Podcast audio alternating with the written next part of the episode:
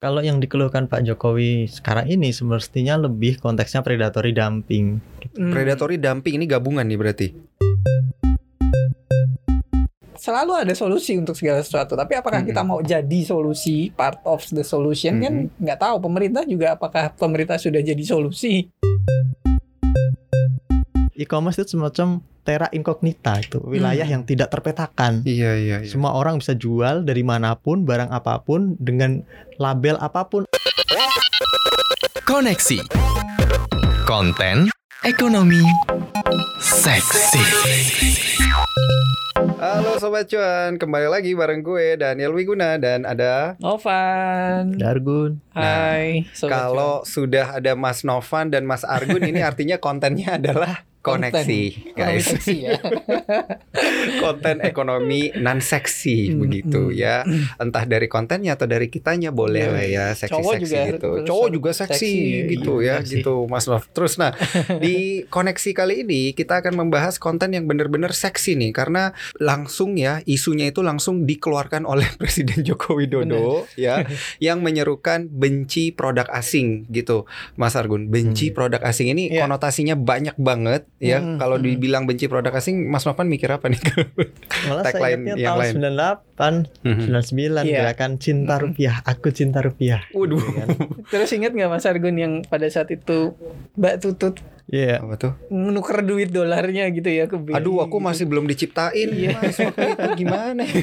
Iya sih suhu Mas. nih suhu. Iya, rame-rame pada nuker dolarnya ke Iya, rupiah. iya, iya. Kayak Itu gitu. zaman-zaman Krismon dah. Mm-mm. Oke, jadi, kan kemarin emang Pak. Jokowi ngomong itu mungkin berdasarkan informasi kali ya. Mm-mm. Ada sebelumnya dia juga ramai tuh hashtag Mm-mm. hashtag eh, seller asing bunuh UMKM Hmm, gitu nah itu kan. dia.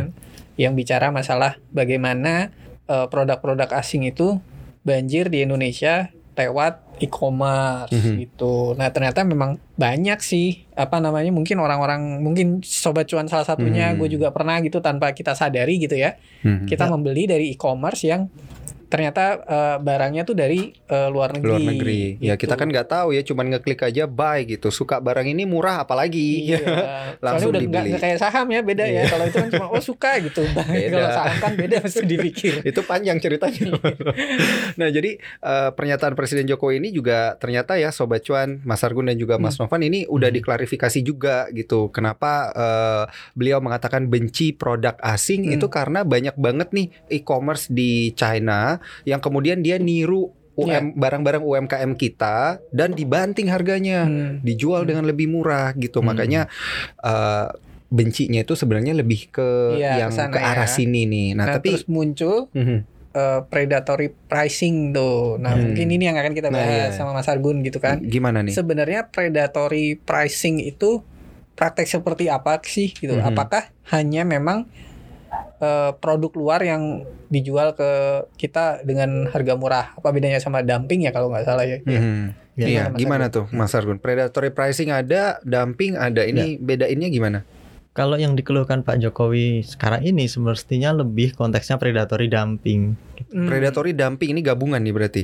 Eh, jadi kalau predatory pricing Hah? itu eh, bisa dalam satu negara. Oke. Jadi saya perusahaan besar di Indonesia gitu kan, Mhm. jual eh, dawet misalnya. saya ingin mengalahkan pen- penjual dawet yang lain gitu kan. Ya saya banting harga saya, produknya sama, kualitas sama, pasokannya juga sama.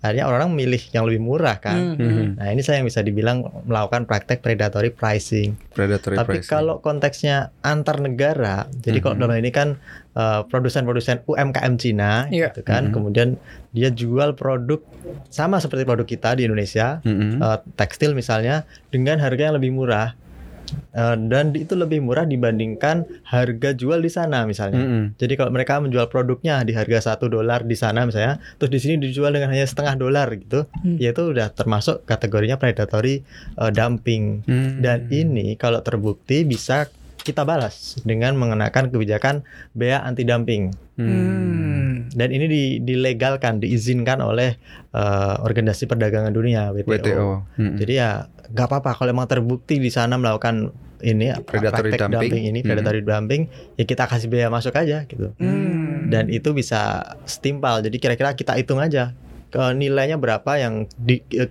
nilai ekonominya, nilai apa perdagangan yang rugi dari Mhm. praktik itu di Indonesia berapa, ya ntar dikenain dalam bentuk tarif gitu. Hmm, Oh. Oke oke itu ta- Tapi tarifnya- prosesnya lama itu. Oh iya karena kan harus didata satu-satu lagi gitu ya. Hmm. Tapi apakah berarti ini eh, bisa menjadi lebih cepat di data? Karena kan yang dikeluhkan itu yang di e-commerce nih justru nih, Mm. Mas Argun harusnya kan bisa lebih cepat ya, Mas Iya. Nov ya, karena datanya udah kayak lengkap. transaksinya langsung gitu ya malah langsung langsung ke apa namanya si penjualnya gitu ya. Ya. Heeh. Karena kan itu Hmm. kan apa kayak cross border transaction gitu gitu Iya. Hmm. Harusnya berarti bisa lebih cepat dong ya, Mas Argun. Mestinya bisa lebih cepat. Mhm. Nah, tetapi kalau kita bicara predatory dumping itu eh, kita nyasar industri gitu. Hmm. Hmm. Jadi kalau pelaku industri di sana artinya skalanya besar gitu. Nah, yang agak intricate di sini itu ada dua hal. Apakah eh, mereka yang eh, eh, pelaku e-commerce di sana UMKM Cina itu Mm-mm. dia melakukan eh, aksi banting harga itu sendirian atau bersama-sama gitu. Hmm. Kompak Sama-sama? satu negara. oh Artinya kompak se- sesama pesaing mereka dari Cina itu kompak untuk melakukan itu eh, banting harga di Indonesia. Hmm. Kalau emang terbukti, nah baru bisa. Tapi kalau Oh, ternyata gitu. cuma satu doang, yang lain enggak. Nah, ini kita belum bisa mengenakan ke semua produk dari Cina itu. Hmm. Karena biaya anti dumping itu berlaku untuk semua produk dari satu negara, gitu. satu jenis produk satu Hmm. negara. Hmm. Makanya agak lama karena memang harus penelitiannya panjang, pembuktiannya yang susah. Hmm. Eh, agak intrikat emang di pembuktian gitu. Iya, iya. Karena itu kalau cuma satu doang, sementara yang lainnya misalnya ada 10 pelaku gitu pe, eh, eksportir ke Indonesia yang membanting harga cuma satu, sembilannya enggak, itu nggak bisa diberlakukan gitu. Hmm. Paling yang bisa di apa ya apa namanya di disanksi ya cuma satu doang, tapi tidak kita tidak bisa mengenakan bea anti dumping terhadap semua pelaku tadi Hmm. 10 10-nya itu nggak bisa kena. Hmm. Nah, ini berarti ada dua ya perangnya pemerintah ini sebenarnya. Ya. Perangnya itu secara eh, dagang langsung ya peraturan WTO sendiri yang dikatakan Mas Argun Hmm. sama perangnya ini sama mindset konsumer dalam negeri gitu ya. konsumennya ya Konsumennya langsung yang disasar. Makanya Presiden Jokowi bilang eh, menyerukan benci produk Tapi- asing gitu. lu sendiri dan Mhm. pernah nggak beli Mhm. maksudnya di e-commerce gitu ya Mm-mm. belanja mungkin nggak tahu memang itu ternyata barangnya sebenarnya Mm-mm. dikirimnya dari Dari luar gitu. luar dari Mm-mm. Cina lah Ya. umumnya gitu kan Mm-mm. karena emang yang murah-murah banget pernah nggak lu belanja Mm-mm. di e-commerce kayak gitu lu sendiri Iya, per- pernah, Pernah sih ya? karena kan eh, mudah banget ya sekarang Iya, kalau di e-commerce ya buka aplikasinya Mhm. terus eh, pencet beli kadang pas kita udah bayar baru ketahuan barangnya dari luar negeri Iya, gitu. dia akan dikirim beberapa hari Iya gitu beberapa ya. hari kadang-kadang sebulan gitu ya tapi Hmm. tapi kan kalau ngelihat dari price wise ya dari harganya nih ya mohon maaf nih jujur emang harganya jauh banget beda sama yang eh, di pasar Hmm, lokal hmm. gitu jadi sepertinya ini juga bukan jadi permasalahan gue ataupun konsumen-konsumen lain karena konsumen lain juga pasti kan Mhm. carinya yang murah Hmm. gitu ya cumannya bener balik lagi Praktek transaksi gini nih Mas. Mhm. Eh, retail nih, kan retail nih, retail dari eh, cross border retail lah Mm-mm. istilahnya gitu kan. Lintas negara tapi retail yang belinya cuma satuan gini. Sebenarnya itu juga kena Mm-mm. bea bea masuk pajak juga nggak sih sebenarnya? Oh ya kena, kena. Mhm. Ada bea impor, ada pajak impor gitu. Em, kalau di- semurah apa pun barangnya gitu ya Kalau dulu uh, sebelum tahun Hmm. 2019 itu semua barang yang harganya di bawah 75 dolar Iya. Mm-mm. impor Hmm. itu nggak kena. Nggak kena Ya. di bawah 75 Hmm. ya. Jadi kalau kita 75 itu berarti setara berapa? Satu jut- Iya, kita lolos dolar. Satu Waduh, jelek nih matematikanya. satu jutaan Satu lah juta ya. lah. ya Satu juta. sampai sih. Ya. sampai ya satu satu jutaan lah sekitar itu. juta, ya. Eh, tetapi kemudian sejak tahun 2019 awal itu bulan Januari atau Februari kalau nggak salah itu pemerintah sudah mulai memperlakukan kebijakan baru. Mm-mm. Jadi batasnya itu diturunkan. Tadinya 75 baru kena pajak, sekarang eh, berapa? 4 dolar aja udah kena pajak itu. Hmm. Jadi udah ada kebijakan baru juga emang emang tujuannya untuk mengerem praktik ini gitu. Mm, Tapi pajaknya Tapi kalau 4 4 dolar pun harga Eh 3 pokoknya dolar, 3 dolar. 3 dolar Tiga ya. dolar. Harga harga pokoknya 3 dolar pun kalau kena pajak ya nggak seberapa kan Iya, masih nggak- masih nggak kita berasa. masih bayar under under ya konsumen juga tetap aja nggak berasa gitu kalau misalnya dia Iya. harus bayar pajak apalagi kalau pajaknya itu cuma di kisaran 5-10 persen gitu kan betul. jadi ya udah gitu tetap aja konsumen itu dibandingin tetap dengan membeli harga dibandingin dengan harga toko di dalam negeri Dalam misalnya. Mm-mm. yang ternyata sudah berapa ratus ribu gitu ya kalau di dolar Nah, itu ternyata jatuhnya 10, maksudnya, 10 iya. dolar gitu ya benar benar Iya. Mas Nov itu dia maksudnya makanya karena kan udah murah gitu ya udah saking murahnya menang menang di harga mereka Mm-mm. jadi kita apa pun yang terjadi pada akhirnya milihnya barang luar juga gitu nah ini Iya. ngakalinnya kan agak ribet juga nih Mas Argun Ya itu makanya kalau menggunakan apa hukuman atau membalas gitu ya aksi predatory Uh-uh. dumping itu kan tadi susahnya pertama harus membuktikan bahwa itu dilakukan oleh semua gitu ya, iya atau mayoritas gitu. Di sisi lain kedua problem kedua adalah eh, pengenaan harga itu modelnya seperti apa? Apakah tarif atau diskon? Gitu. Hmm. Kalau mereka mengenakan diskon dan rame-rame 10-10 ya misalnya tadi ada 10 pelaku pemasok gitu ya eh, Mhm. di e-commerce ke Indonesia dan itu yang bermasalah. Kalau 10-10-nya itu memberikan diskon, jangan-jangan itu nggak bisa kena eh, pre- eh, apa namanya eh, pasal predatory dumping Hmm. karena beda antara memberikan diskon dengan Iya. tarif gitu. Dulu kan ketika rame-rame awal-awal eh, online apa ya taksi online ya, Hmm. Mm-mm. eh, nggak perlu sebut merek aja ya. Pokoknya kita udah Ya, kenal lah. cuma itulah Iya, taksi Cuma online itu kan itu kan. Nah itu mereka dulu kan awalnya juga kasih diskon habis-habisan. Tapi Mm-mm. pemerintah Bakar tidak duit itu bisa ya. Iya. menghukum atau melarang karena itu memang mereka tidak melakukan praktik predatory uh, pricing. Pricing. Mm-mm. Jadi harganya masih sama gitu. Rata-rata masih rata-rata industri lah yang aturan Kemenhub berapa ya kira-kira segitu gitu. Tetapi mereka memberikan diskon besar-besaran, Hmm. ngebakar uang dan itu tidak bisa dilakukan oleh pelaku industri yang konvensional gitu. yang Iya. sudah lama Yang sudah lama. Mm-mm. Nah, kalau praktik serupa ini di- terjadi dalam kasus ini, mereka memberikan diskon gede gitu ya. Jadi harganya sebenarnya Berapa? taruh 100 ribu sama seperti di sini. Hmm. Tapi mereka diskonnya 60% gitu kan. Jadi cuma Hmm. 40 ribu. Hmm. Nah, ini apakah predatory pricing atau dumping belum tentu juga gitu. Hmm. Jadi emang agak agak, susah tricky, ini kalau agak kita tricky juga ya. Mm-mm. Mm-mm. Tapi kan yang diakalin ujung-ujungnya harga-harganya lagi. iya.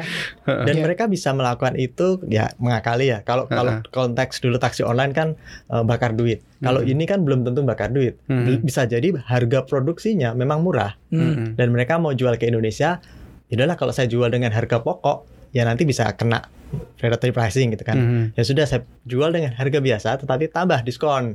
Diskonnya 50%, Ada diskon. 40%. Nah, kalau ini mereka bisa menghindari eh, apa namanya pasal predatory dumping gitu. Mm-mm. Eh, sebenarnya kalau pemerintah mau me- menekan praktik ini gitu, Hmm. ya jangan kayak zamannya Pak Harto yang aku cinta rupiah gitu Hmm. tetapi gunakan semboyan ya tetapi dalam praktiknya itu tidak ada regulasi Aku cintanya rupiah ngantonginnya yang lain gitu. Bitcoin termasuk. Iya. Di kantong yang lain tapi di hati tetap rupiah gitu ya. itu dia kalau Kontrari. semboyan doang nggak ngefek gitu Iya benar benar benar. yang justru malah memicu uh, problem diplomatik kayak gitu ya Hmm. nanti Cina-nya protes atau seluruh negara gitu kan Hmm. mitra dagang kita apa maksudnya Pak Presiden ngomong benci produk asing berarti kami eh, berdagang dengan Indonesia selama ini dimusuhi dong berarti Hmm. gitu Hmm. ya kan mereka yang masuk produk-produk yang kita butuhkan mobil Hmm. lah komputer lah ini kan produk asing juga gitu ya Iya. jadi memang akhirnya ke mana-mana makanya Pak Mendak bagus tuh bener ketika dia eh, melokalisir masalah gitu Mm-mm. bukan bukan asingnya bukan asingnya tetapi ya kan tadi tadi praktek Praktiknya. predatorinya Prakteknya itu udah benar tetapi ya itu jangan berhenti di semboyan aja lah Mm-mm. jadi kalau mau ngekat harusnya gini eh, langsung saja eh, perlu ada transparansi Mhm. produk. Tadi kan sempat disinggung eh, Mas Novan. Bisa tahu nggak sih ini kalau kita beli produk, tahu ini produk dari Mm-mm. Jatinegara atau produk Dari dari, mana Jatinangor gitu. ataukah dari eh, Luar Oslo negeri. gitu kan. Nah, ini kita nggak ngerti. Jadi seharusnya pemerintah me- sesuai dengan eh, apa namanya undang-undang hak konsumen lah. Mhm. Kita perlu tahu produk yang kita beli itu seperti apa. Mhm. Di, di luar negeri itu udah udah udah marak. Jadi kalau misalnya ada eh, apa namanya ada aturan misalnya bahwa produk ini adalah produk ramah lingkungan gitu kan, Hmm. itu harus dikasih eh, label. Nah, labelisasi ini seharusnya perlu dilakukan di e-commerce. Iya. Jadi setidaknya kita tahu kita mau beli barang sarung misalnya. Sarung ini produksi mana? Oh, produksi dari eh, Cina misalnya. Oh ya sudah kalau emang suka ya nggak apa-apa. Tapi kalau Mm-mm. kita ternyata memang merah putihnya itu membara tidak hanya di dada tapi sampai mata sama yang merah Ya nggak usah putih. beli sarung aja jauh-jauh. ya ini Ya sudah kali. dia bisa Boleh milih lah. yang produk lokal gitu. Iya, Artinya iya, kita bisa tahu kalau kita mau beli barang ini ini akan memberikan keuntungan ke siapa. Iya, Minimal itu saja. Mm, Kita nggak melarang mereka buka lapak di Mm. sini gitu. Mm-mm. Tetapi ya kita memberi tahu bahwa ini orang sana loh Iya, yang iya, jualan. Nah, cumannya Minimal itu aja Iya, dulu. itu Gua itu setuju jadi- sih gue supaya apa namanya Mm-mm. maksudnya e-commerce e-commerce itu mem, me- apa namanya nambah, menambah informasi oh, gitu informasi ya. Orang pelanggan juga aware bahwa produk Mm-mm. yang mereka beli adalah produk buatan mana, luar gitu. negeri dikirim dari luar negeri atau lokal gitu kan Mm-mm. bisa mungkin dikasih eh, semacam apa namanya kayak logo supporting produk brand Mm-mm. lokal gitu-gitu Mm, ya di e-commerce e-commerce gitu gitu kalau memang memang itu adalah produk produk lokal gitu. Cumannya gue jadi mikir nih Mas Nov sama Mas Argun nih kalau kita mau tarik panjang dikit nih ke belakang dikit kan Hmm. semua ini terjadi sebenarnya gara-gara kita itu nggak bisa ngasih harga best price lah gitu best price untuk para konsumen gitu kompetitif lah nggak harganya kompetitif ya. jadinya harganya nah ini Ya. Apa ya rahasianya sebenarnya? Si China itu bisa neken harga sampai segitunya atau mereka emang bakar duit gitu Hmm, sengaja jual kasih tahu. murah Kalaupun Cina ngasih Mm-mm. rahasia rahasianya, gue yakin kita juga nggak kita bisa melakukan nggak sanggup juga ya. apa dong ini? Apa dong? Gimana sih Mas Nov sama Mas Argun Iya rahasianya orang rahasia umum lah gitu. Jadi kalau mau manufaktur dan produknya murah di pasar internasional unggul, Mm-mm. ya otomatis harus mangkas ongkos produksi, ongkos Mm-mm. eh, distribusi, udah dua itu saja gitu. Padahal kan kalau mau dilihat resource kita juga punya tuh ya Hmm. Tapi tenaga juga sebenarnya ya banyak yang jago-jago gitu. Cuman kalah juga ya nggak kompetitif juga Iya. ujung-ujungnya harganya. Iya itu. Atau mungkin kita kekurangan alat-alat gitu ya. Teknologi kali, teknologinya kurang gimana ya? Kadang kadang ini nih pertanyaan yang kali kita kurangnya apa banyak sebenarnya. Cuma apa ya? Kalau kata bingung. temen gue katanya kurangnya satu, gak ada kelebihannya. Wah, Iya, kan parah tuh kan kalau kayak gitu kan. Itu nyindir banget tuh. Padahal sebenarnya kan kita masih bingung nih cara ya tadi apa sih yang membuat apa? kita nggak bisa bersaing price-nya Mm-mm, gitu mm-mm. kan. Kalau yang sebenarnya eh, tim riset ini ini saya pernah bikin ulasan gitu ya. Jadi kalau yang dipersoalin dalam hal ini Ya. itu kan barang konsumsi gitu ya, Mm-mm. barang yang dibeli di online e-commerce yang impor. Nah, kalau impor sebenarnya memang di kita persentasenya masih kecil, Mhm. 8 persenan dari total impor kita. Tetapi yang kebanyakan gitu, yang tumbuhnya paling cepat dalam lima tahun terakhir ini, itu memang clothing atau pakaian jadi. Hmm. Hmm. Nah, inilah yang disinyalir produk ini yang jadi sasaran tembak eh, Pak Jokowi gitu. Oke. Banyak yang jualan produk pakaian jadi, tetapi eh, impor eh, dari luar negeri dijual di Mhm. sini dengan harga yang lebih murah, predatory pricing dugaannya kan gitu. Hmm. Kalau kita bicara soal pakaian, berarti ya industrinya tekstil gitu. Hmm. TPT, tekstil dan produk tekstil. Hmm. Dan di Indonesia sebenarnya kita sama China eh, memang jauh beda gitu. China itu produk tekstilnya memang eh, produsen salah satu produsen utama.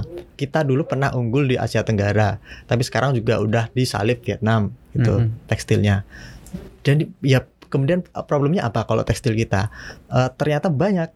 Jadi kalau kita bicara tekstil itu, kan kita ngomongin benang, kita ngomongin banyak hal gitu, bukan hanya pakaiannya langsung gitu. Bahkan kalau kalau benang aja ada berapa ratus jenis benang gitu katanya. Hmm. Jadi banyak sekali dan itu tidak diproduksi di Indonesia. Banyak yang diimpor. Hmm. Nah, itu aja dulu.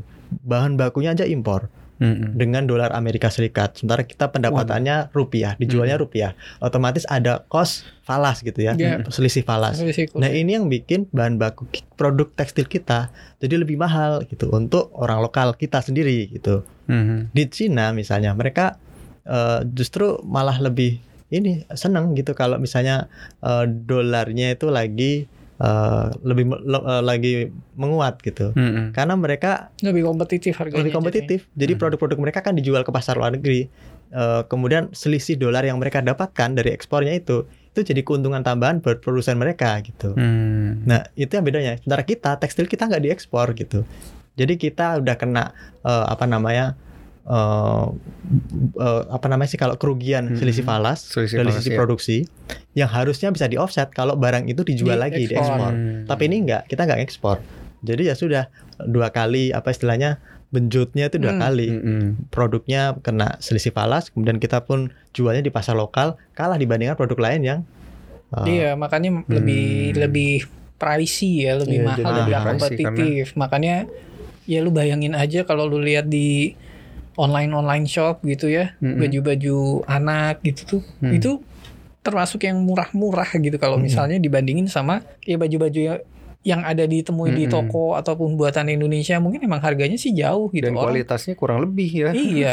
Mirip-mirip Karena kan ba- ya orang sekarang bicara masalah baju kan Mm-mm. salah satu kebutuhan pokok juga. Ada Mm-mm. berapa orang yang harus dipakai baju di Indonesia Iya, iya, gitu iya, kan. Bener, bener, bener. Jadi- Pasarnya kan luar biasa. Jadi gitu. kan otomatis ini kalau kita ngomongin harga, kalau dari yang gue lihat ini yang mereka yang pendapatannya menengah ke bawah, otomatis daripada kue ke mall ini itu ini Iya. ngelihat e-commerce ini menjadi salah satu solusi kan buat mem- memenuhi kebutuhan barang apa, apalagi kualitasnya nggak jauh beda gitu ya. Hmm, Cuman hmm, satu ada cap mereknya, satu enggak gitu. Iya. Dan Bahkan fungsinya ada nilai yang- fungsinya Ada sama. juga yang impor banyak besar kemudian di branding seolah-olah bahwa itu adalah buatan kita gitu. Lokal. Hmm. Banyak juga praktek-praktek yang kayak gitu. Karena ya kalau kaos polosan gitu kan murah Mm-mm. dari dari Cina gitu. Mereka belanjanya dari situ Mm-mm. ya udah kemudian diproduksi entah di sablon entah di apa gitu kan terus Mm-mm. kemudian jadi produk dalam negeri gitu padahal Mm-mm. memang base pakaiannya juga sana. bukan Mm-mm. dari sana gitu Iya, iya, karena emang murah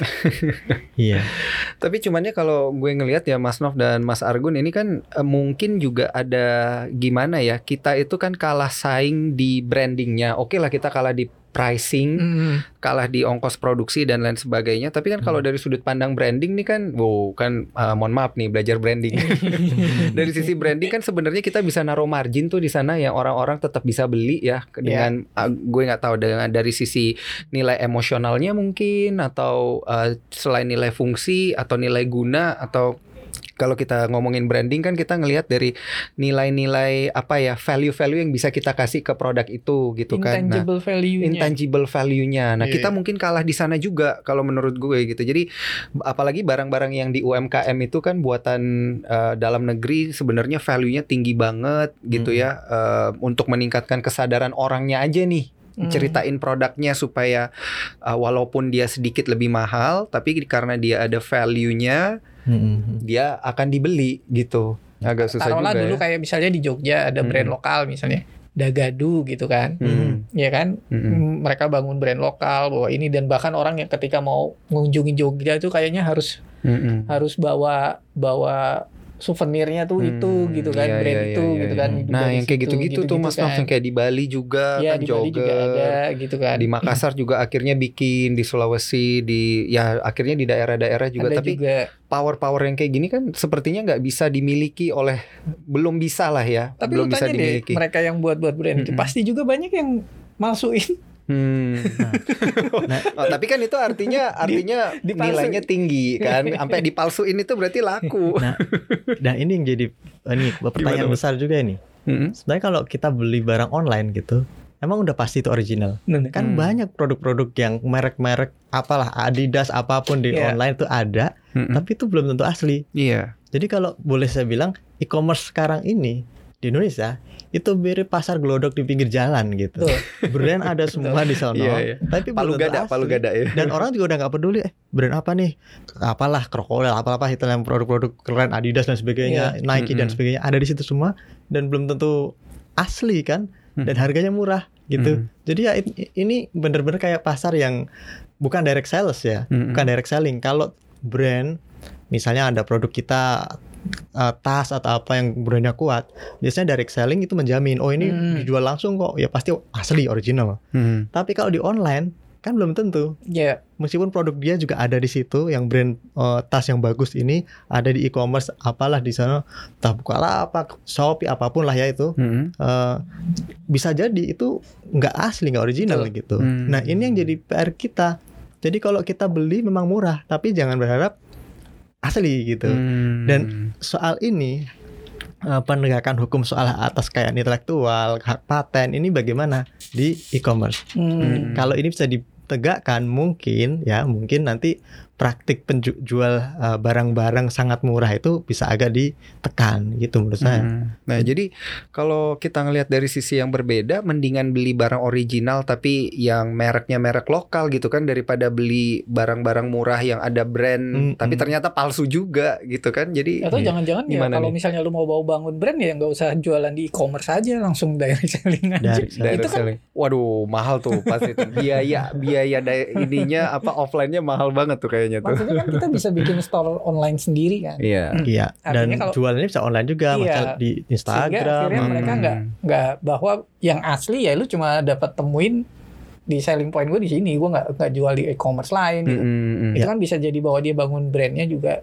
Mm-mm. untuk memastikan produknya jadi kemarin tuh gue pernah lihat ada sempat eh, lihat eh, paket beritanya dari CNBC internasional di mana mereka juga ngulas soal eh, Mhm. e-commerce yang Mhm. lagi tren shop shop Mm-mm. Shopify ya apa apa gitu Mm-mm. Nah, jadi di situ juga disebutin bahwa dijelasin bahwa si reporter ini tuh benar-benar mesen produk dong Mm-mm. dari luar negeri. Dan ternyata memang yang dikirimnya dari Cina gitu Mm-mm. kan, dari Cina.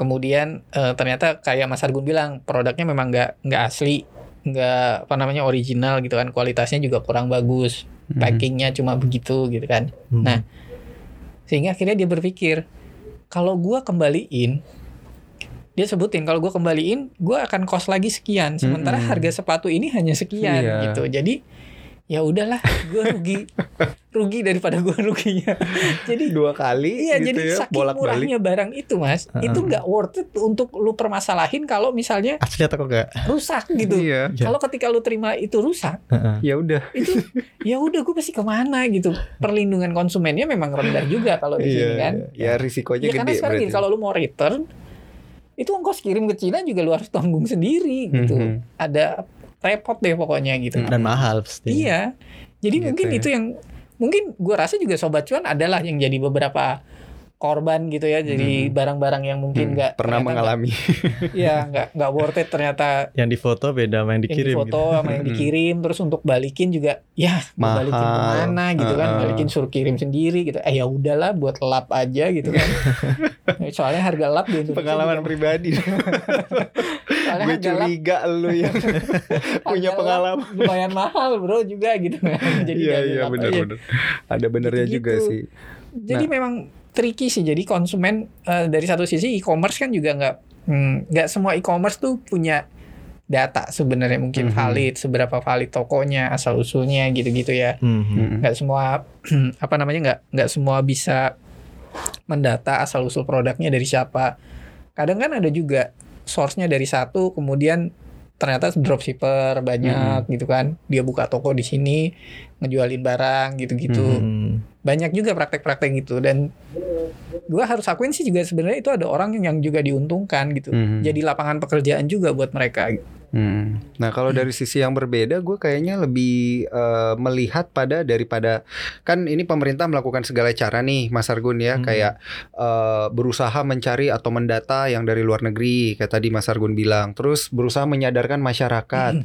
Nah menurut gue ada satu lagi cara yaitu branding itu, di mana eh, biayanya pasti kan ada, tapi Hmm. kan kalau kita bisa membangun brand pribadi kita de- eh, dengan baik, sebenarnya biayanya nggak terlalu mahal juga gitu, karena kan eh, pasar kita juga yang kita sasar juga kan nggak mungkin langsung satu Indonesia kan pasar Hmm. wilayah sekitar dulu aja which is sebenarnya itu biayanya nggak terlalu mahal gitu untuk Hmm. membangkitkan uh, kesadaran Awareness orang-orang itu ya. heeh, Hmm. awareness orang sama produk kita dan produk kita itu lebih bagus dibeli daripada uh, barang-barang e-commerce yang dari luar Hmm. negeri tapi ternyata kualitasnya juga kurang Nah. gitu sebenarnya Mhm. tadi Mhm. kalau Daniel bilang branding gue mungkin berpikir gini mas sebenarnya Mhm. Kan Pak Jokowi ini yang bilang benci produk asing tapi Mhm. kita juga produk kita juga harus bisa bersaing iya nah Hmm. sebenarnya pertanyaannya apa yang sebenarnya sudah pe- pemerintah lakukan untuk ikut membantu daya saing kita membantu gitu daya saing Mhm. UMKM di Indonesia sebenarnya ada nggak sih misalnya eh, penyuluhan aturan gitu ya penyuluhan pelatihan Iya, gitu ya. pelatihan, aturan atau apa yang sebenarnya ditujukan memang eh, untuk bisa supaya UMKM bisa lebih nge-branding, bisa lebih ngejual gitu. Mm-mm. Mhm. Oh, kalau program sih banyak, Banyak. ya. Mulai dari kredit tuh, kredit UMKM, Pembiayaan ya. Heeh. Gak kur, kredit usaha rakyat kan juga nyasarnya orang-orang yang mau berusaha mau bikin UMKM yang baru. Eh, dari pendanaan mereka sudah berikan, Eh, kemudian itu kan ada subsidinya. Ya. Kemudian kalau ada eh, apa namanya menunggak termasuk yang masuk di apa namanya di tanggalnya sama pemerintah selama pandemi gitu. Mm-mm. Itu ada programnya. Tetapi gini kalau sebagus apa pun pembiayaan, tetapi kalau struktur ekonominya masih high cost, ya Mm-mm. tetap high cost gitu. Hmm. Jadi sisi pendanaan dibantu, tetapi sisi pengiriman masih lebih mahal. Eh, ngirim dari sini Logistik ke ya. Kalimantan masih lebih mahal dibandingkan ngirim sini ke Singapura misalnya atau dari. Cina ke sini gitu. Ya itu yang masih jadi PR bersama di negeri ini. Infrastrukturnya yang harus dibenahi dan sistem logistik gitu. Hmm. Jadi infrastruktur sama sistem logistik itu berbeda. Kalau sistem infrastruktur itu kan prasarana fisik Hmm. Iya. ya kan. Sementara kalau logistik itu kan sistem yang menjalankan bagaimana agar arus barang yang dikirim dari tempat ke tempat yang lain itu bisa lebih efisien. Di Indonesia itu saat kalau kapal ngirim barang ke Papua datang penuh pulang kosong. Kosong iya. Jadi, Jadi- Jadi mal- Kosnya. malas pulang. Iya, kosnya itu dua kali. Iya kan kosnya gede kan? Karena Iya. dia dari sana kosong kan. Mm-mm. Iya jadi kosnya gede, males kan balik Iya, lagi. males balik lagi. Kalau nggak penuh mending nggak balik. iya, itu problemnya. Sementara Logistik kalau cost, di ya. negara yang maju itu biasanya mereka sudah siapkan uh, apa namanya klaster industri untuk mengantisipasi itu. Mhm. Jadi ada spesialisasi di lokasi-lokasi tertentu. Misalnya kalau dulu Amerika ya, contohnya nih uh, Detroit itu kan, Hmm. itu udah terkenal sentra manufaktur gitu lah. Hmm. Ya, dulu ada General Motor di situ. Otomotif ya. Kemudian kalau Texas itu sentral apa? Hmm. Pertanian misalnya, minyak, minyak. Minyak. Hmm. Kemudian daerah pertanian di mana? Kemudian daerah yang industri khusus industri itu di mana? Daerah yang khusus, khusus senang-senang di mana? Wisata Hmm. ya. Las Vegas gitu Iya. kan. Hal seperti itu. Jadi kalau orang pindah satu tempat ke tempat lain, ngirim barang satu tempat ke tempat lain itu peluang untuk ada perimbangan jumlah barang yang dikirim dan jumlah yang diterima itu sama. Hmm. Peluangnya gede gitu. Ngirim barang ke Las Vegas ya kemu- eh, kemungkinan besar tidak akan kosong karena orang lain Iya. ke Las Vegas juga Butuh banyak sesuatu gitu. Ya, Iya. kemudian mereka ngirim barang juga ke tempat yang lain gitu. Nah ini jangan hanya ada satu arah ekonomi. Jadi tumbuh cuma di Jawa, yang lainnya nggak tumbuh. Hmm. Jadi yang terjadi adalah kayak eh s- eh, sentral ke- ke- kekayaan ada di Jawa, tapi Hmm. sentral bahan mentah ada di luar Jawa. Hmm. Jadi orang kalau ngirim barang dari dari mana dari luar Jawa ke Jawa ya komoditas isinya. Hmm. Tetapi baliknya harusnya bisa diisi barang-barang Hmm. konsumsi barang-barang elektronik, barang-barang jadi ya. mobil misalnya. Problemnya kalau dikirim yang beli siapa? Di luar Jawa belum se sekaya ini. belum sekaya di Jawa gitu. Ya, ini PR yang bertahun-tahun menaun selama di Indonesia gitu. Terjadi ya ganti presiden masih ini gitu. Hmm. Sekarang udah ya gimana masih relatif 50-50 lah kalau bisa perimbangan Jawa dan luar Jawa gitu. Iya. Jadi ya memang harusnya dikembangkan tuh. Untung kita dulu ada booming batu bara dan CPO gitu ya. Mm-mm, Jadi 2008. lumayan di luar Jawa ada pemerataan kekayaan Jadi gitu. lebih ya Tapi untuk daerah-daerah lain, nah itu masih PR gitu. Hmm. Dan kalau bicara nggak usah jauh-jauh di Jawa aja sendiri misalnya, kalau kita ngirim barang lah sekarang dari eh, Jakarta ke Sing- Semarang misalnya, eh, ada nggak sistem yang lebih cepat gitu? Mhm. Sekarang kan makanya pengiriman tuh JNE dan kawan-kawan ada JNT banyak lah pokoknya ada ratusan perusahaan pengiriman tuh mereka tumbuh subur di Indonesia tapi kebanyakan di Jawa. Hmm. Mereka melayani pasar luar Jawa sedikit karena ya itu Demandnya masih kurang gitu demandnya ya. masih kurang. mungkin itu salah satunya Anda pindah ke Jawa. Ya kurang lebih. Karena di Jawa ada cuap-cuap cuan. Iya. itu dia Emang sempat rame kan di mana tuh di media sosial bahwa eh, beli barang apa di Jawa harganya lima puluh ribu misalnya Iya. ongkos kirimnya seratus dua puluh ribu Iya. Mhm. itu kan ada tuh yang di, di Twitter kemudian banyak yang reply iya iya iya ini dia membuktikan ngirim resinya gitu Miris sih. Miris, iya. Miris sih. Kan Hmm. artinya gimana gimana kita mau ber bersaing ya kalau Hmm. kita tidak kita sendiri nggak bisa nguasain pasar kita sendiri gitu. Artinya lokal kita UKM kita gitu nggak bisa nguasain pasar di Indonesia gitu. Mau masarin ke wilayah-wilayah itu ongkosnya luar biasa mahal gitu. Mm-mm. Mhm. ngapain ke- dulu kemarin tuh pernah kita obrolin juga bahwa sebenarnya ongkir itu nggak mempengaruhi secara secara secara apa namanya psikologi itu mempengaruhi orang jadi atau enggaknya Iya betul. membeli sesuatu gitu kan free ongkir dengan ongkir ya bayangin misalnya gue beli produk harganya nggak seberapa sebenarnya Mhm. tapi ongkirnya bisa 50% dari harga produknya Hmm. Iya mikir lagi gitu loh Mending sabar ya atau Iya. gue datengin aja nih sekalian nih penjualnya.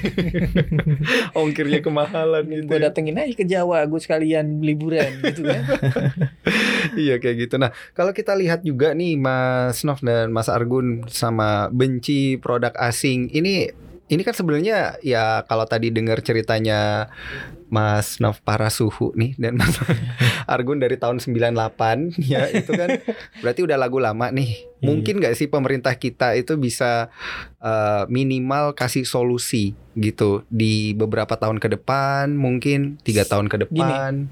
pemerintah itu ngasih Mhm. solusi sering tapi jadi solusi nggak pernah Curcol. gue keras banget gitu ya nggak maaf nggak maksud gue Awas lo Twitter ntar dihack lo. gue nggak main Twitter cek dulu, cek cuma dulu. cuma untuk mantau doang gitu nggak maksud gue gini selalu ada solusi untuk segala sesuatu tapi apakah Mhm. kita mau jadi solusi part of the solution kan nggak tahu pemerintah juga apakah pemerintah sudah jadi solusi Mm-mm. kan harusnya pemerintah yang menjadi solusi Iya, karena Ya. PR-nya banyak banget nih. Tadi Mas Argun jabarin tuh PR semua tuh kayaknya. Logistik, produksi, impor. Iya, yang ngerjain selamat siapa? datang di koneksi Falas. isinya PR semua aja PR semua. Dan ini memang problem struktural. Jadi letupan-letupan seperti ini akan sering terjadi. Misalnya nanti lima tahun lagi Hmm. ada presiden baru, mungkin isunya akan sama gitu. Dia akan kita harus cinta produk Hmm. Indonesia dan sebagainya. Singkirkan Karena- predatory pricing, dumping Iya. gitu ya. Tapi ya nggak tahu jadi apa enggak gitu. Iya, memang harusnya itu eh, pemerintah yang memperbaiki itu gitu. Mm-mm. Jadi kalau misalnya Pak Jokowi mengeluarkan lontaran itu di rapat kabinet, wah itu pas banget. Gitu. Hmm. Itu pas banget. Jadi kalau di publik sebenarnya nggak perlu ada semboyan-semboyan gini dikeluarkan. Mm-mm. Yang dikeluarkan adalah kebijakan langsung. gitu ya. langsung iya iya. Harusnya iya. kita melihat itu ada kebijakan baru yang diterapkan. Dulu waktu eh, apa namanya batas kena paj- bea impor diturunkan dari 75 dolar ke 3 dolar. Oh itu saya respon ras- eh, respect gitu. Bener nih pemerintah kebijakannya pas ini. Karena kalau enggak ya Mm-mm. eh, tidak ada minimal peraturan eh, kesamaan perlakuan gitu. Mhm. Jadi sama-sama barang impor tapi yang impornya kecil-kecil ngirimnya sekali dua kali ternyata lebih murah misalnya Hmm. dibandingkan yang gelondongan satu kontainer kan ya gimana ya Hmm. Uh, tetap perlakuannya nggak nggak adil. Harusnya sih sk- skalanya tetap ber- berlaku. Jadi yang kecil memang tetap kena tetapi karena dia nilai kecil ya uh, jumlah biayanya lebih sedikit. Tapi ya persentase skala gitu ya. Mhm. tapi jangan sampai dia nggak kena gitu. Nah itu sudah berlaku bagus. Dan sekarang juga harusnya dilanjut lagi dengan lebih me, saya pikir lebih mengedepankan aspek uh, apa namanya transparansi Mhm. di market yang digital ini Mhm. sekarang kalau kita bicara pasar tradisional gitu kan, aturannya sudah banyak. Ada BPOM yang ngawasi produknya dan sebagainya. Sementara kalau di e-commerce, nah saya nggak yakin kalau di e-commerce ada pengawasan seketat itu. Memang produknya katanya sudah terdaftar di BPOM dan sebagainya, tapi kalau ngecek ada nggak mekanisme itu? Kemudian juga misalnya ada ngaku ini produk dari Indonesia, Ad- Iya. bisa ngeceknya gitu. Harusnya ada itu labelisasi minimal Mhm. ini produk dari mana eh, pem- yang bikin lapak basisnya di mana dan itu bisa dicek bang produk Indonesia asli misalnya Iya. karena kalau kemarin yang ber eh, rame itu kan ternyata kita beli barang mana dari mana pun daerah Cina itu ternyata eh, poinnya satu gitu sellernya Iya. orangnya Hmm. sama gitu Dia namanya juga. sama ya kan Karena namanya katanya namanya apa Mr. Who kalau nggak salah Mr. Who ya. Nah, ini kan Fenomena Mr. Who. ini bisa jadi Mr. Who ya pemerintah kita Hmm. pemerintah Cina bisa jadi dia Hmm. memfasilitasi eh, bagaimana agar pengiriman dari Cina ke Indonesia lebih murah misalnya Hmm. lewat satu tempat satu Hmm. poin jadi kalau ada seribu poin seribu barang yang kita pesen mau dari Guangzhou dari mana dari manalah lewat Yunan satu pintu ya ya. lewat satu pintu satu kontainer jadi lebih murah gitu Hmm. mungkin ini cara yang dilakukan untuk bikin pengirimannya lebih efisien apakah itu salah ya nggak salah juga gitu Mhm. tetapi sekarang yang di era globalisasi, perang kita adalah perang dari sisi uh, regulasi Mhm. gitu. Uh, kita harus ingat misalnya negara barat Amerika itu kan dulu melarang subsidi ini itu dilarang harus sebaiknya dicabut misalnya. Uh, Oke, tetapi apakah mereka mencabut subsidinya? Enggak juga. Pertanian mereka masih memberikan subsidi misalnya. Mhm. Jadi memang regulasi kalau kita memiliki prinsip dan eh, bahwa kita ingin misalnya di Eropa nih kita ingin mereka kan jualannya selalu green product gitu ya. Hmm. Kita tidak ingin produk yang merusak hutan. Dia konsisten.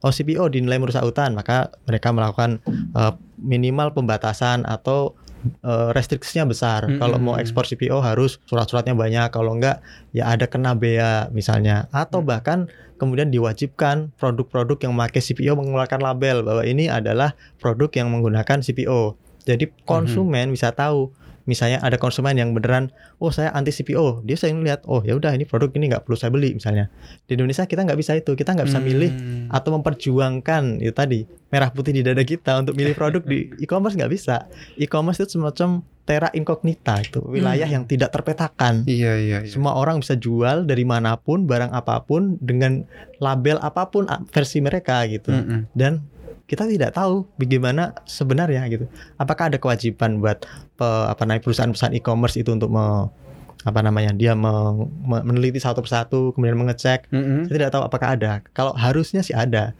Dan pemerintah juga kalau ingin menghentikan praktik itu ya dia harus lewat regulasi dan kemudian mewajibkan e-commerce yang bersangkutan untuk menjalankan regulasi itu. Misalnya regulasi labelisasi ya sudah diwajibkan Ya. gitu. Atau minimal ya kalau misalnya mau hukum para pelaku di sana ya predatory dumping dibuktikan dulu gitu. Itu yang harus dilakukan. Kan kita punya komite anti dumping Indonesia. Itu di bawahnya Kementerian Perdagangan. Hmm. Dan itu bisa tuh di- disuruh untuk melakukan investigasi di sana. Investigasinya nggak nggak harus ke sana juga kok. Misalnya saya pernah dulu eh, membaca laporan eh, dari Amerika, pengusaha Amerika. Mereka menilai produk Indonesia itu eh, udang kalau tidak salah waktu itu. Mhm. Itu produk yang apa namanya layak kenakan bea anti dumping. Bukti buktinya dari mana? Dari pemberitaan. Mereka ngambil dari beberapa harian di Indonesia yang digital gitu bahwa Mhm. sebenarnya harganya segini dari sumber pemberitaan itu. Contohnya seperti itu gitu. Jadi Kadi sudah dibentuk, sudah digaji. Ya sekarang saatnya bekerja lebih keras gitu. untuk menjalankan titah Pak Jokowi. gitu. Iya.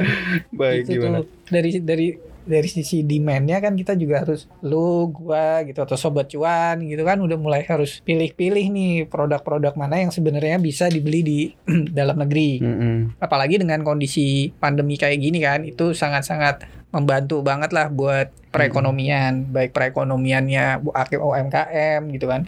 Karena gue juga kadang mikirnya gini mas kalau misalnya krisis UMKM tuh diangkat. Artinya di wah kita harus bantu tapi begitu ekonominya bagus diem Tinggal. aja Mm-mm. maksudnya nggak nggak nggak konsisten gitu loh baik atau apa lagi sehat atau lagi sakit ya UMKM ini emang harus harus dijaga gitu kan kayak kemarin UMKM nih kayaknya ini Mm-mm. untuk menjaga perekonomian kita di di apa di pom pom lah Iya betul harusnya Iya kan? dipom-pom. Dikasih Iya, benar. akses pasar yang saya eh, salut itu Afrika Selatan. Kita minimal di Afrika Selatan lah. Mm-mm. Dulu zaman Menteri Perdagangan eh, Pak Bayu Krishnamurti waktu Hmm. itu, dia Hmm. salah satu yang berusaha untuk jualan kopi di sana. Mm. Nah, kopi ini kan produk UMKM gitu. Mm-mm. Dan biar Afrika Selatan mau nerima kopi kita, gimana caranya? Invest. Hmm. Jadi Indonesia investasi di Afrika Selatan. Investasinya apa? Bangun gudang. Itu doang. gudang Gudangnya ntar buat naruh kopi, kopi kita. Tapi kan setidaknya mereka, oh ada FDI nih, gitu kan. Mm. Nah di Indonesia mungkin juga sama gitu. Ada investor Cina yang invest di sini bangun gudang. Gudang. gitu. Mm-mm. isinya produk mereka mereka dikirim ke mana-mana dengan harga yang lebih murah itu kan. Nah itu, ya maksud gue eh, bener bisa kita mendukung UMKM ketika kondisi lagi oke-oke saja, lagi Iya. sehat. Ya dengan cara itu. Ini produk unggulan kita apa saja? 1 2 3 4 5 sampai 10. Pasarnya mana aja potensial? Oh, di sana di sana. Ya udah bagaimana biar bisa masuk? kasih ekspor Mm-mm. iya, iya. Hah, ini tugasnya Kementerian Perdagangan. Mereka sudah digaji. Jadi kalau produk kita nggak laku-laku, ya kita harus bertanya. "Eh, Sebenarnya siap-siap aja sih. Dulu saya pengen loh beli mobil Uh-uh. lokal. Tapi mobil lokal tuh nggak pernah ada di pasaran. Cuma Iya, ada di di berita ya? doang.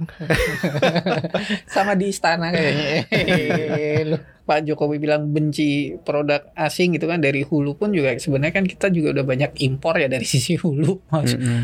mau dari energi mau dari Mm-mm. yang gede-gede lah nggak usah Iya. yang harus lewat e-commerce gitu kan dari sisi pemerintahnya sendiri gitu kan juga Mm-mm. masih masih ketergantungan lah istilahnya dengan Iya. produk-produk itu bahan baku bahan baku itu terus sampai akhirnya ke perilaku masyarakatnya pun juga kan akhirnya juga mungkin sadar nggak sadar bukannya nggak cinta gitu tapi memang karena karena sifat manusia yang memang cari yang murah gitu Mm-mm. dan sekarang terbuka gitu kan mungkin ya kalau ada pilihan murah dan terjangkau dan produknya bagus, buatan lokal dan bisa terjamin artinya kalau gue mau komplain, gue gak usah ribet-ribet gitu kan. Hmm.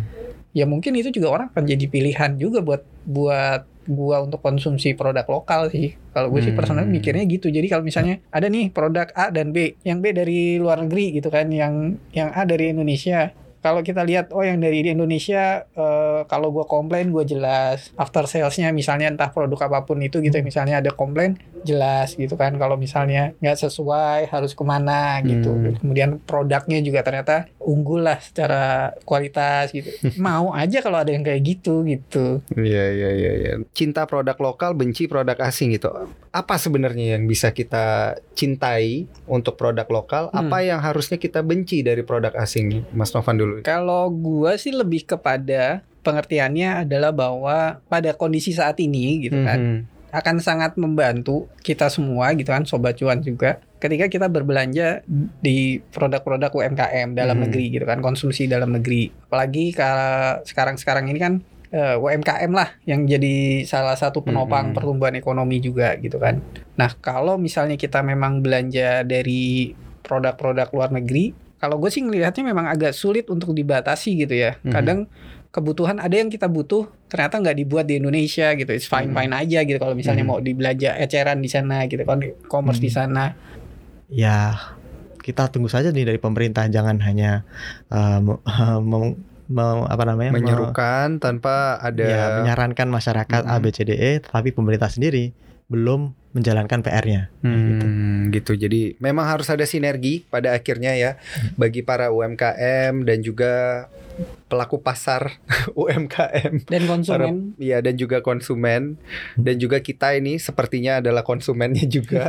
gitu ya yang tiap hari juga belanjanya pasti ngelihat eh, acuannya juga dari e-commerce gitu ya. Hmm, dan sebagai UMKM-nya sendiri pun juga harus tetap berjuang begitu ya, harus tetap Ya. kompetitif, belajar gimana nih caranya semangat semangat supaya walaupun kalah di harga setidaknya bisa menang yang lain deh gitu ya supaya tetap dibeli sama para konsumen. Nah, Iya. menarik nih koneksi kita hari ini konten ekonomi seksi kita udah bahas panjang lebar mulai Iya. dari semuanya ya udah semuanya ya. Tadi pemerintahnya udah, penjualnya udah, konsumennya udah, pesaing-pesaingnya juga udah, contoh-contohnya udah, solusinya juga udah semuanya. Thank you banget buat para sobat cuan ya Thank udah you. Dengerin koneksi. Tapi koneksi ini ingat ini TKDN-nya 100% guys. Ini Suara-suara lokal kita ya. ya, suara-suara kita dari tim cuap-cuap cuan. Saya Daniel Wiguna pamit. saya Novan Argun.